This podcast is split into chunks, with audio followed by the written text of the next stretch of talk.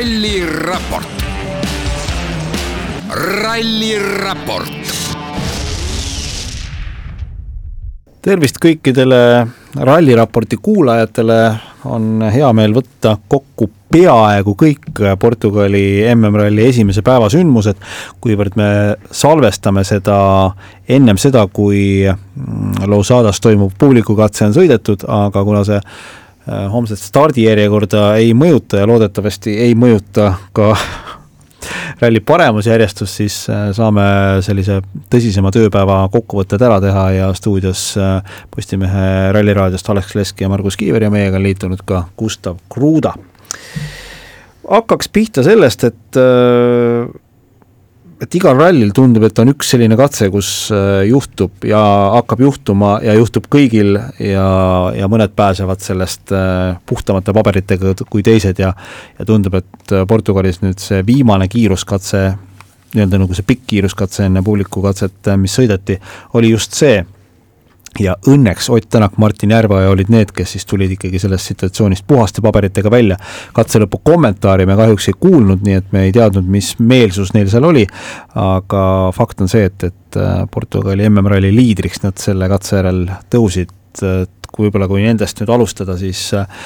no ei olnud neile lihtne päev, vähemalt äh, Tänaku kommentaarid olid küll sellised, et, et endiselt ei ole rahul sellega, mida see auto teeb või ei tee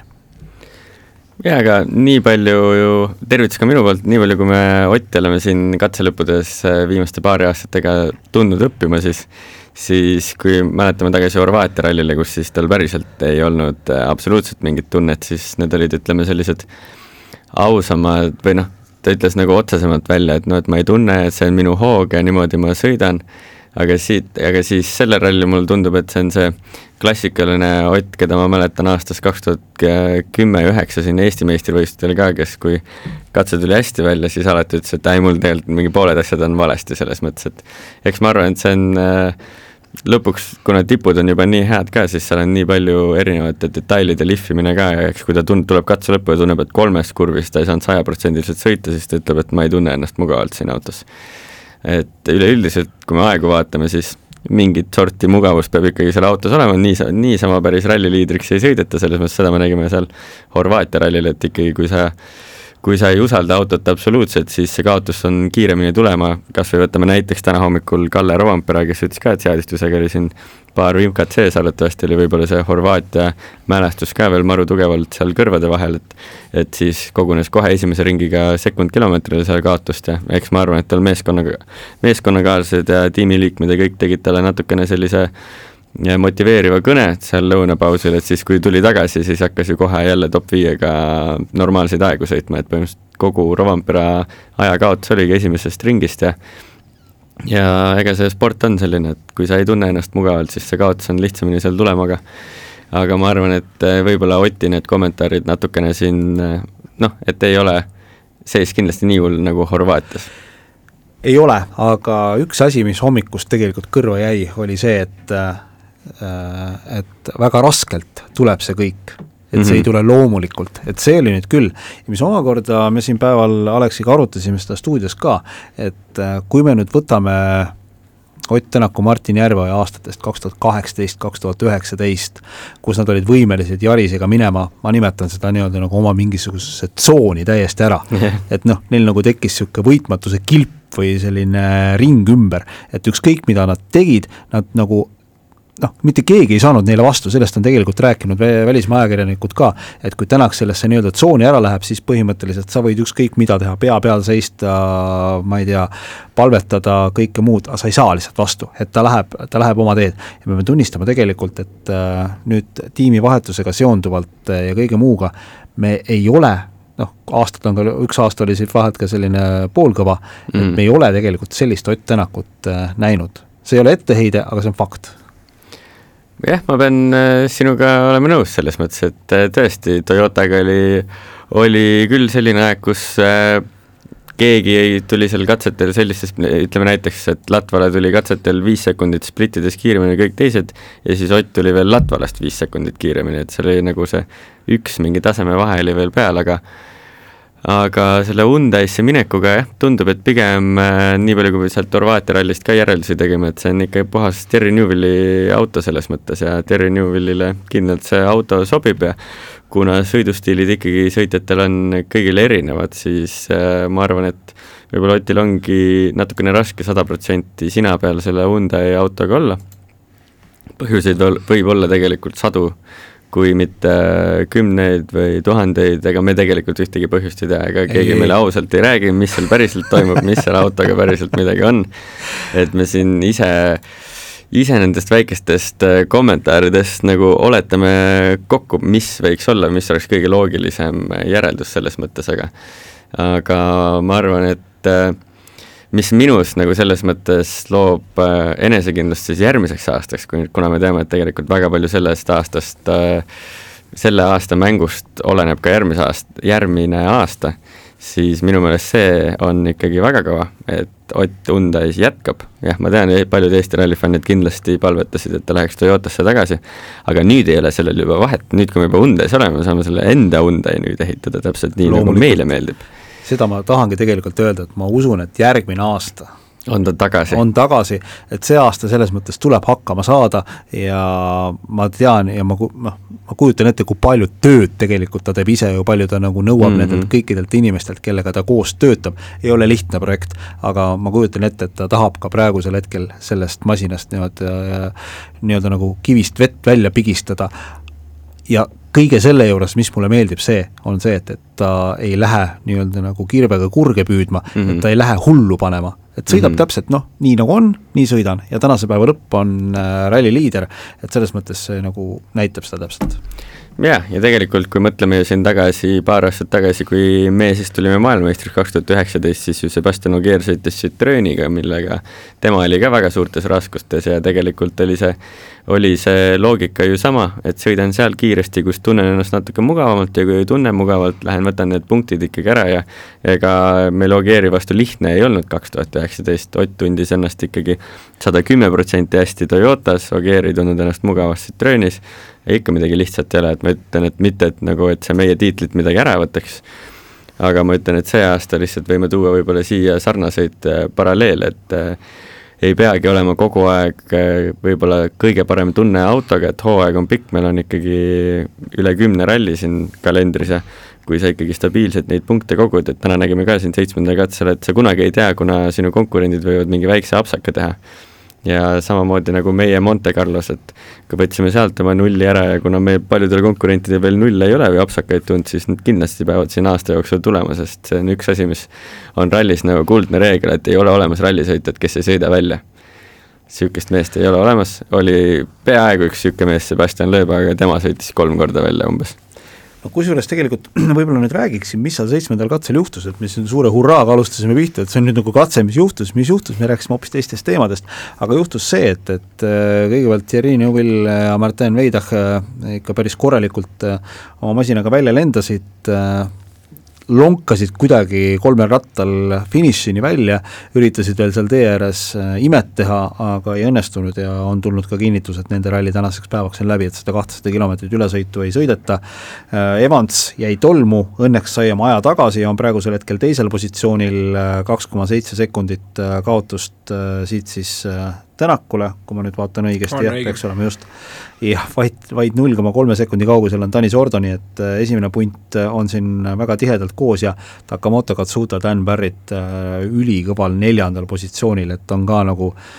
Takas on hoidunud erinevatest probleemidest ja mm -hmm. kaotab siin Tänakule kaksteist sekundit ja Ogier, vana rebane, on lõpuks kerkinud viiendale positsioonile, nii et et oli küll katse jah, mis nagu pani asjad korralikult pöörlema, sest noh, Tanis Ordo rehvi mured veel omakorda, sellest me räägime eraldi mm -hmm. Pirellidest, et no suretas välja ka mootori seal katsel ja juba sellepärast aega kadus, pluss see rehvi mure jah, Sordol ja tegelikult ega seal ju Formogi meil, kes niisugune päeva teises pooles väga hea ei olnud, hommikul alustas hästi,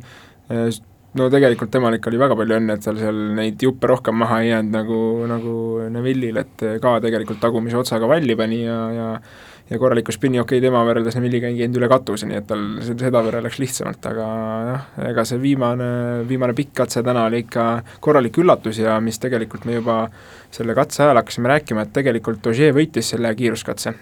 Kui me nüüd vaatame neid mehi, kes lõpuni nii-öelda õige aja oma sõiduga kirja said, siis Gus Greensmit oli seal tegelikult teine, viis koma kolm kaotas ja noh, Tänak kaotas üheksa, Roandpere juba seitseteist ja Kruusa katse Portugalis, esimene läbimine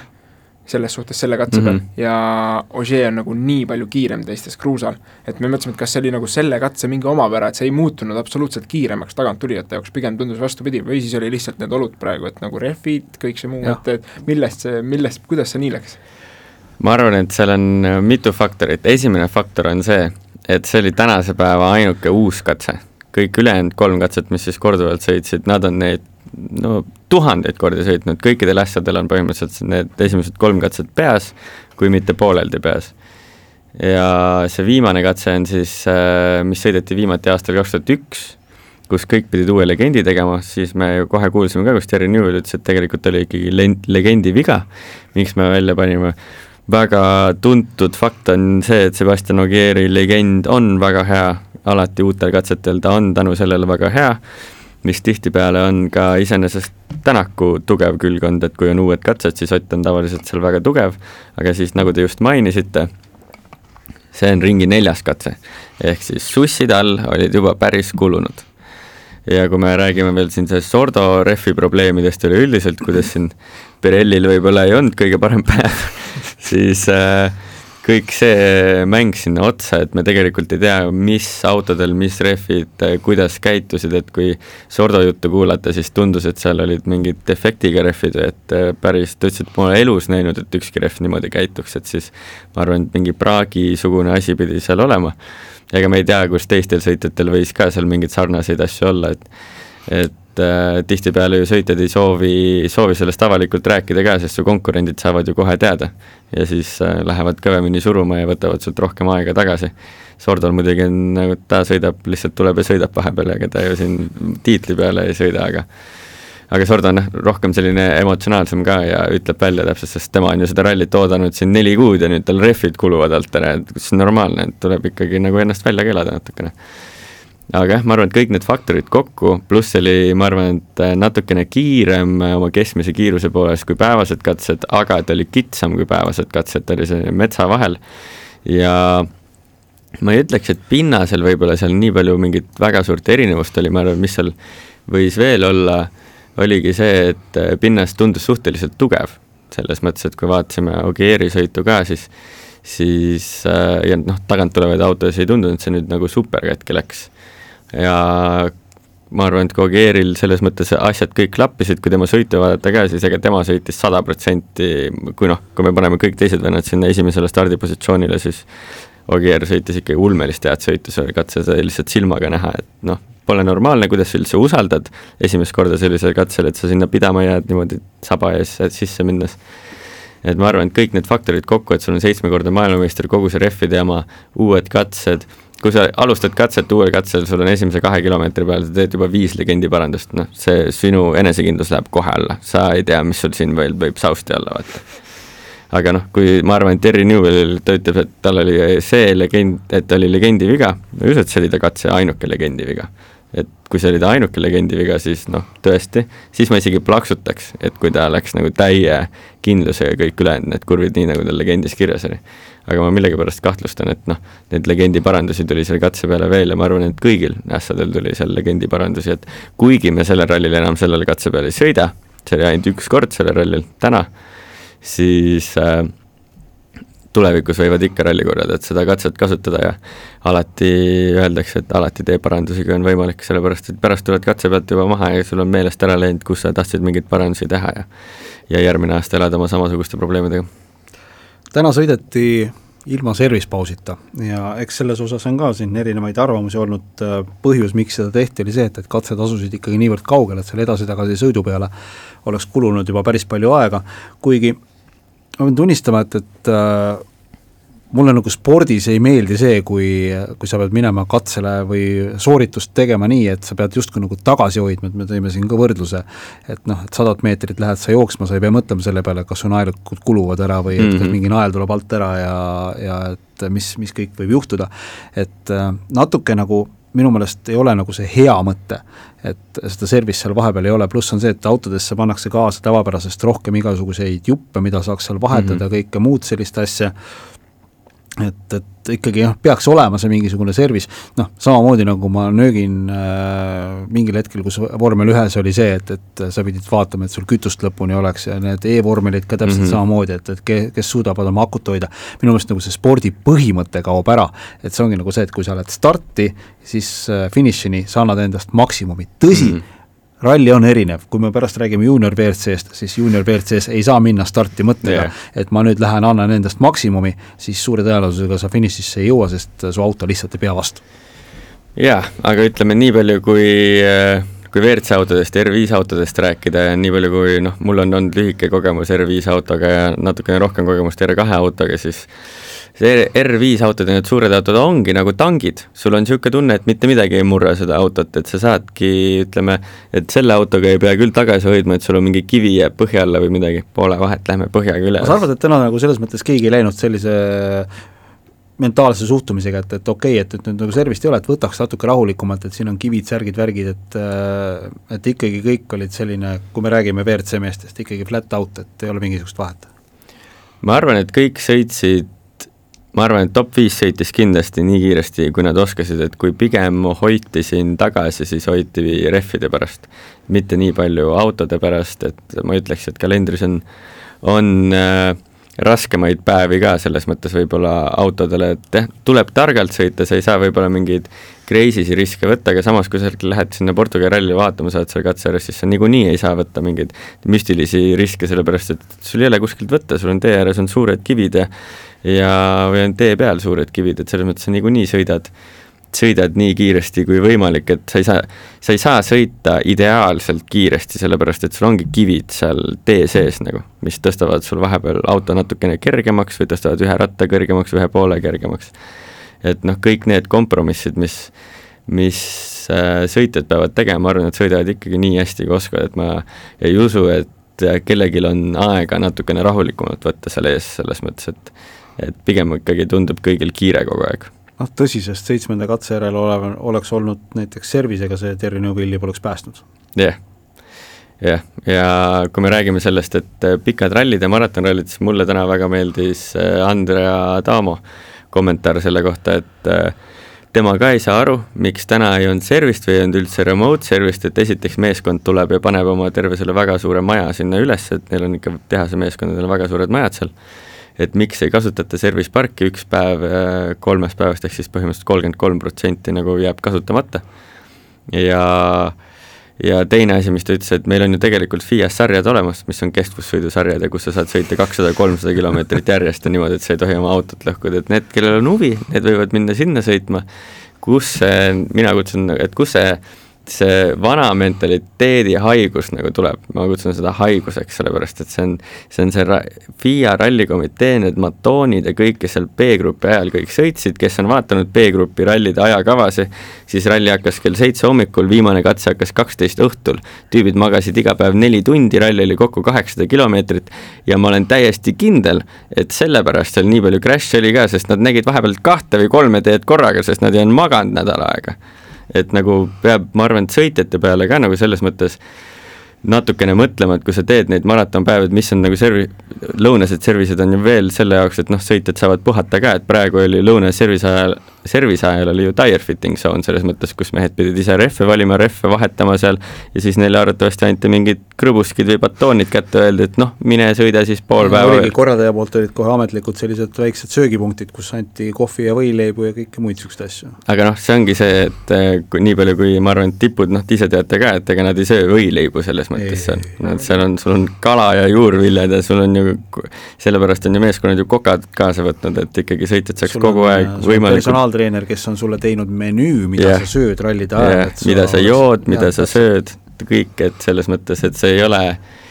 see, me ei ole enam nelikümmend aastat tagasi, kus oligi see, et tulid katse lõppu, anti sulle kahe vorsti ja kahe juustuga võileib ja siis panid endale Marlboro suitsu, panid ette ja tegid suitsu seal katse lõpus, et see oli nagu tavaline vaatepilt kunagi. aga kui me vaatasime, jah, ülesõitudel, aga kui sa vaatad kunagisi ralli tulemusi ka, siis seal kaotati vahepeal poole tunniga või tunniga. Ja rallid olid pikemad ka, aga täna on meil läinud see nii, nii täpseks ja nii põnevaks, et kui me räägimegi siin, et kus mehed tulevad ralli lõppedes, kaotavad null komadega üksteisele, sõidavad kolmsada kilomeetrit ära ja kaotavad alla sekundi üksteisele. et siis ma arvan, et me peakski liikuma puhtalt kogu aeg sinna, et oleks kogu aeg et me otsiks kogu aeg kõige kiiremat sõitjat, et ei oleks see, et kes on kiire, aga samas on vahepeal siin hoiab tagasi ja kes on nagu siin äh, kes oskab kiiresti sõita pikka maad, vaid nagu minu arvamus on ikkagi, et see eesmärk võiks olla see, et me leiame kogu aeg maailma kõige kiirema sõitja, kes oskab kõige kiiremini sõita kruusaasfalti peal. nõus. ja tegelikult tuleb alati arvestada ka asjaoluga, et, et sinu publik muutub ajas mm, -hmm. et, et needsamad inimesed, kes B-rühma ajal käisid rallit vaatamas, need on muutunud yeah.. Need inimesed äh, on asendunud nooremate inimestega ja kui me nagu näiteks siin võib-olla võrdlemegi F1 ja WRC lähenemist oma fännidele, siis tundub küll jah, et, et see nagu, sa pead natuke nagu rohkem vaatama, mida sinu fänn tahab mm. -hmm. ja tänapäevane fänn tahabki võib-olla mitte selliseid nagu pikki kannatavaid päevi, ta tahabki selliseid mõnusaid sähvakaid yeah,. Yeah. kui sa mõtled kas või tänase sotsiaalmeedia peale, siis kas sotsiaalmeedia kogu loogika on üles ehitatud, et me vaatame pikki asju kõik on lühike, kõik käib niimoodi kuigi, kuigi mis ma nagu tänase päeva kait-, kaitseks saan öelda, on see, et, et kui siin stuudios seda katseid kommenteerida, siis see nagu hoiab mõnusalt üleval, et sul ei teki seda auku sisse, üks yeah. lõpeb, teine hakkab, üks lõpeb, teine hakkab, aga yeah. ma olen sinuga nõus, et täna tegelikult hoida fänni selline suurusjärk kolm-neli tundi arvutiekraani taga, hardcore fänni sa hoiad kinni mm, -hmm. aga sellist äh, nooremapoolset, sellel on vaja vahepeal tuhat muud asja teha. jah yeah,, täpselt, ma olen, ma olen sinuga nõus. nii, kuulge, aga muidu me siin äh, nihkume võib-olla teistest eestlastest eemale, aga räägime neist ka, ehk et äh, meil on siin äh, Egon Kaur ja Silver Simm WRC kolm klassis kes, äh, kes tegelikkuses äh, täna siin on piduritega või täpsemalt öeldes, nagu ma saan aru, nende puudumisega äh, võidelnud, aga mis see viimane seis meil nendega on? Peale seitsmendat kiiruskatset nad on viiendal kohal omas klassis, aga seal Armindo Arajo, kohaliku mehe, ja Chris Ingramiga, kes kolmandal kohal on, on tegelikult vahed suhteliselt väiksed ja noh, eks Kauri selja taga ka on on niisugune üksteist sekundit Fernando Sousa ja siis, siis sealt veel nõnda väikeste vahedega seal sõitjaid tuleb, et selles suhtes võitlus käib edasi, algus tundus sellele päevale niisugune keeruline olevat või noh, tundus, et kuidagi nende piduriprobleemidega ei saa üldse vedama ja, ja tundub, et terve päev läheb nagu sellega raisku, aga tundub, et Egon ja Silver on ikkagi oma asjad toimima saanud ise seal nii, et sõita saab, katsete pealt ka täiesti arvestatavad ajad ja ja see viienda koha peal olek äh, tegelikult poodiumini on siin noh, kaksteist sekundit Ingramini. et äh, selles suhtes on äh, Kauril väga-väga hästi kõik seal asjad ja ja homme läheb kindlasti võidusõiduks poodiumi nimel, ma usun, et ilma probleemideta seal Arajo ja Ingrami vastu peaks ta saama küll. Meil oli ka Gregor Jets Andrus Toomiga sõitmas, aga seitsmendal kiiruskatsel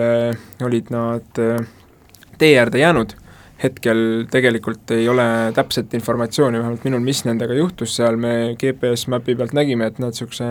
pärast mingit mahapööret kuskil sirge peal seisnud olid, kas seal tuli mingi sõiduviga kuskil sisse, mille tõttu on mingi tehniline probleem tekkinud, või on lihtsalt mingi tehniline häda, seda me praegu siin öelda ei oska, aga aga nemad olid noh, nad olid tulemas sellises omas kindlas turvalises tempos seal, seal oma klassi pigem tagumises otsas, ma kui me WRC kolmest siin praegu nõnda rääkisime, siis tasuks ära mainida ka, mis seis on kindlasti WRC mm, kaks klassis, kus tegelikult on nagu väga-väga kõva konkurents ja väga põnev eh, heitluspaar Esa-Pekka Lapp ja Nikolai Gräzin on veel terve päev käinud niisugune korralik andmine ja pärast seda seitsmendat kiiruskatset on tegelikult Gria-, eh, Gräzin kaotab Lapile üks koma üks sekundit, nii et noh, täna selle viimase publikukatse peal nad võivad ka veel omavahel seal kohti vahetada, sest et see üks koma üks sekundit on eh, päris niisugune, mis kannatab seal kolme kilomeetri peal tagasi sõita, Teemu Suninen ka tegelikult nende meestega täiesti võiks öelda, et konkurentsis veel jäi ta hommikul tolmu sisse, äh, Mats Ösberg lõhkus rehvi kohe hommikuse ringi peal ja selle tõttu teda ei ole seal nii-öelda kõige teravamas tipus, Suninen natukene seal tolmuses aega kaotas, aga üheksa koma viis sekundit kaotab tema Lappile nüüd pärast seda seitsmendat katset, nii et homme saavad nemad kenasti veel seal omavahel võidu sõita. Noh, eks juunior WRC poole pealt juunior WRC jah, võib-olla tulebki alustada pigem sellega, mis siin räägiti, et seal ei saa minna väga panema ja, ja täiega suruma, sest et äh, ei ole see juunior WRC klass päris selline, kus Portugalis selle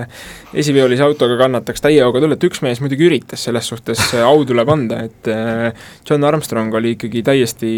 hullu panemas, esimesed viis katset ta noh, võib-olla Kruusal ei eeldaks, et tema seal klassis kõige kõvem mees peaks olema, aga ta oli nelikümmend sekundit seal Sami Pajarilt ja Martin Setskilt eest ära sõitnud, et ta oli ikkagi täiesti oma teed minemas. aga see tuligi puhtalt selle pealt, et seal hoiti peal ja siis kuuendal kiiruskatsel ikkagi juhtus see, mis selle tempo juures juhtus, juhtuma pidi, ehk siis äh, rehvi purunemine ja lisaks sellele kukkus neil auto veel tungraua pealt maha, nii et seal oli möllu ja mässu kõvasti, neli pool minutit nad selle katse peal kaotasid ja langesid omas klassis nüüd sinna äh, noh, päris viimaseks langenud äh, nendest meestest, kes rajal on eelviimaseks. viimane mees seal klassis on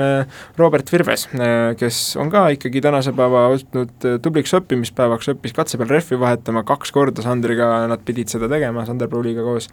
kohe hommikul neil üks rehv läks ja, ja nüüd pärastlõunal teinegi, nii et nende kaotus äh, nüüd praegu, antud hetkel just nad jõuavad selle seitsmenda ehk siis viimase pika kiiruskatse lõppu õige pea seal vaheaegades ka nad tulevad ikkagi niisuguse turvaliselt, noh natukene kiiremini isegi kui Sesks, aga aga niisuguse turvalise tempoga, mille nad tegelikult teadlikult valisid, aga noh, see turvaline tempo ka ei tasunud ennast ära, et kaks rehvi purunemist on ikkagi selles suhtes ka juuniorklassi mõistes ikkagi rekord, et keegi teine kahte rehvi ei ole puruks saanud selle ralliga aga muidugi noh, see rahulik sõit ja see seitse minutit kaotust, mis neil on, võib ühel hetkel ära tasuda, sest et tegelikult nad on viiendaks juba tõusnud, kuigi arvestades, nad olid seal põhjas viimaste siin korduvläbimistega, siin äh, William Creighton, Lauri Joona, Raul Padiu, kõik on katkestanud seal tehniliste probleemide tõttu, sest et autod ei pea tõesti nende teede peal mm. vastu ja ma arvan, Gustav teab kõige paremini, kuidas nende nuiadega niisuguste teede peal enam-vähemgi sõita on. ma just mõtlesin, et äh, kui mina sõitsin siin Harju rallit, mis on siis Tallinna ümbruses ja ma ma tulin katsete lõppu ja rool oli kõver ja õõtsad olid kõverad, siis ma ei kujuta ette, kuidas seal Portugalis need asjad alles peaks jääma selle all, aga aga jah, nagu sa just ise ütlesid, autodel on väga raske ikkagi seal ja nagu me tegelikult siit välja loeme, siis teisel tiirul oli kolm katkestamist, ehk siis teised tiirud on ju, rada on veel rohkem katki ja autodel on see veel, veel raskem selles mõttes ja nagu sa just äh, mainisid ka, et ega see turvaline sõit võib seal juunior WRC-s tegelikult päris magusaid vilju sulle teinekord tuua, et kui kui sa ikkagi lõpuni tuled ja täpselt sellistel rasketel rallidel, et Horvaatias selline sõit ei oleks nagu väga mingit tulemust toonud, sellepärast et nagu ei olnud nii raske autodele just see, aga siin on neid kive ja auke ja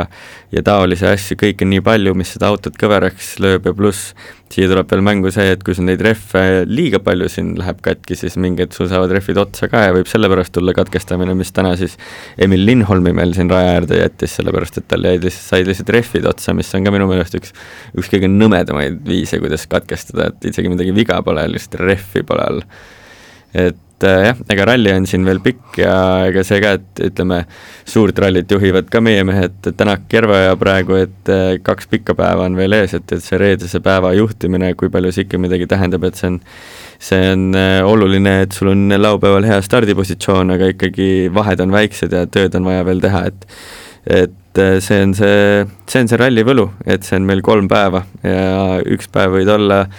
võid olla kõige kõvem vend, aga teine päev võid olla kõige mõttetum vend. just, ning äh, nagu siis öeldud äh,, meie tänase päeva lõplikku paremusjärjestust veel öelda ei saa, aga noh, tavaliselt publikukatsel noh muidugi, kui tsiteerida klassikuid Eesti autoralli meistrivõistlustelt, Margus Murakat võid nee. võita vähe, aga kaotada palju, kehtib siis kõikide publikukatsete kohta ja ta ise on ka tihtipeale oma sõnade järgi käitunud siis äh, tegelikkuses äh, saame öelda jah, et, et Ott Tänak Martin Järveoja rallit äh, pärast seitset kiiruskatset juhivad, homme on meid ees ootamas siis kokku seitse kiiruskatset ja sõidetakse siis neid katseid, mis siin rajaga tutvumise ajal olid kohati sellised natuke nagu läbimatud või väga -hmm. keerulistes oludes, aga ma usun, et nüüd nädalavahetuseks on nad kenasti ära kuivanud ja nagu Robert Virves selle peale ütles, et kui ta käest küsiti nende lau-, laupäevaste katsete kohta, ta ütles, et ta nagu selle pärast üldse ei muretse, et need ära ei kuiva, aga ta pigem muretses selle pärast, et selleks ajaks, kui tema sinna kohale jõuab, siis pole teed võib-olla enam alles lihtsalt, et see oli nagu kõige suurem mure tema jaoks. Jaa, et äh, nii palju, kui ma ise mäletan ka neid, kuidagi mul on need laupäevased katsed paremini meeles, kui ma kaks tuhat kuusteist käisin rallil, siis ma kirjutasin selle ralli ka sellist, et noh, kogemust saada ja ja see Amarante katse, see kõige pikem katse, no see on ikka täielik pähkel selles mõttes, et sul võib lihtsalt juba aju kokku joosta, sest seal on nii palju kurve ja nii palju asju toimub ja sul on nii palju tegevusi ja see katse lihtsalt ei lõppe ära, sa lähed, jõuad, jõuad mäest alla, mõtled, okei okay,, ma olen mäest alla jõudnud, et äkki nüüd on katse lõpp. Ja siis lähed uue mäe üles ja siis tuled sealt uuelt mäelt alla ja ja see on kindlasti, ma arvan, et homse päeva üks kõige keerulisemaid katseid ja kui me vaatame, kui pikad ringid on, siis meil on kakskümmend kilomeetrit, kakskümmend kaks kilomeetrit ja kolmkümmend kaheksa kilomeetrit, siis homme see rehvi mäng läheb, läheb ka väga oluliseks ja just see, et sul ei oleks rehvi purunemisi ja see, et sul selle Amarante jaoks jääks lõpuks rehvid normaalselt alles. ja siis seal Amarantel me näeme nüüd esimest korda, et kuidas need haardid seal all keema hakkavad või kui haardid hakkavad üle kuumenema, et kuidas siis enam pidamist ei ole, et täna me kuulsime kogu aeg selle, seda, selle kohta, kuidas soft'id on nii soojaks läinud, et enam ei pea pea ja vajuvad läbi, siis ega homme ma ei usu, et nad siin, võib-olla hommikupoolel võib mõni paar soft'i kaasa võtta, temperatuurid on väiksemad, pärastlõunal ei võta sinna keegi mitte ühtegi soft'i kaasa, et see, ma arvan, et keeb seal kohe ära. jääme ootama. Sellega ralliraport tänaseks lõpetab, aitäh kõikidele kuulamast äh, ja jääme siis huviga ootama juba homset rallipäeva, Postimehe Ralliraadio alustab kell üheksa nelikümmend viis hommikul, nii nagu ka täna ralliraport. ralliraport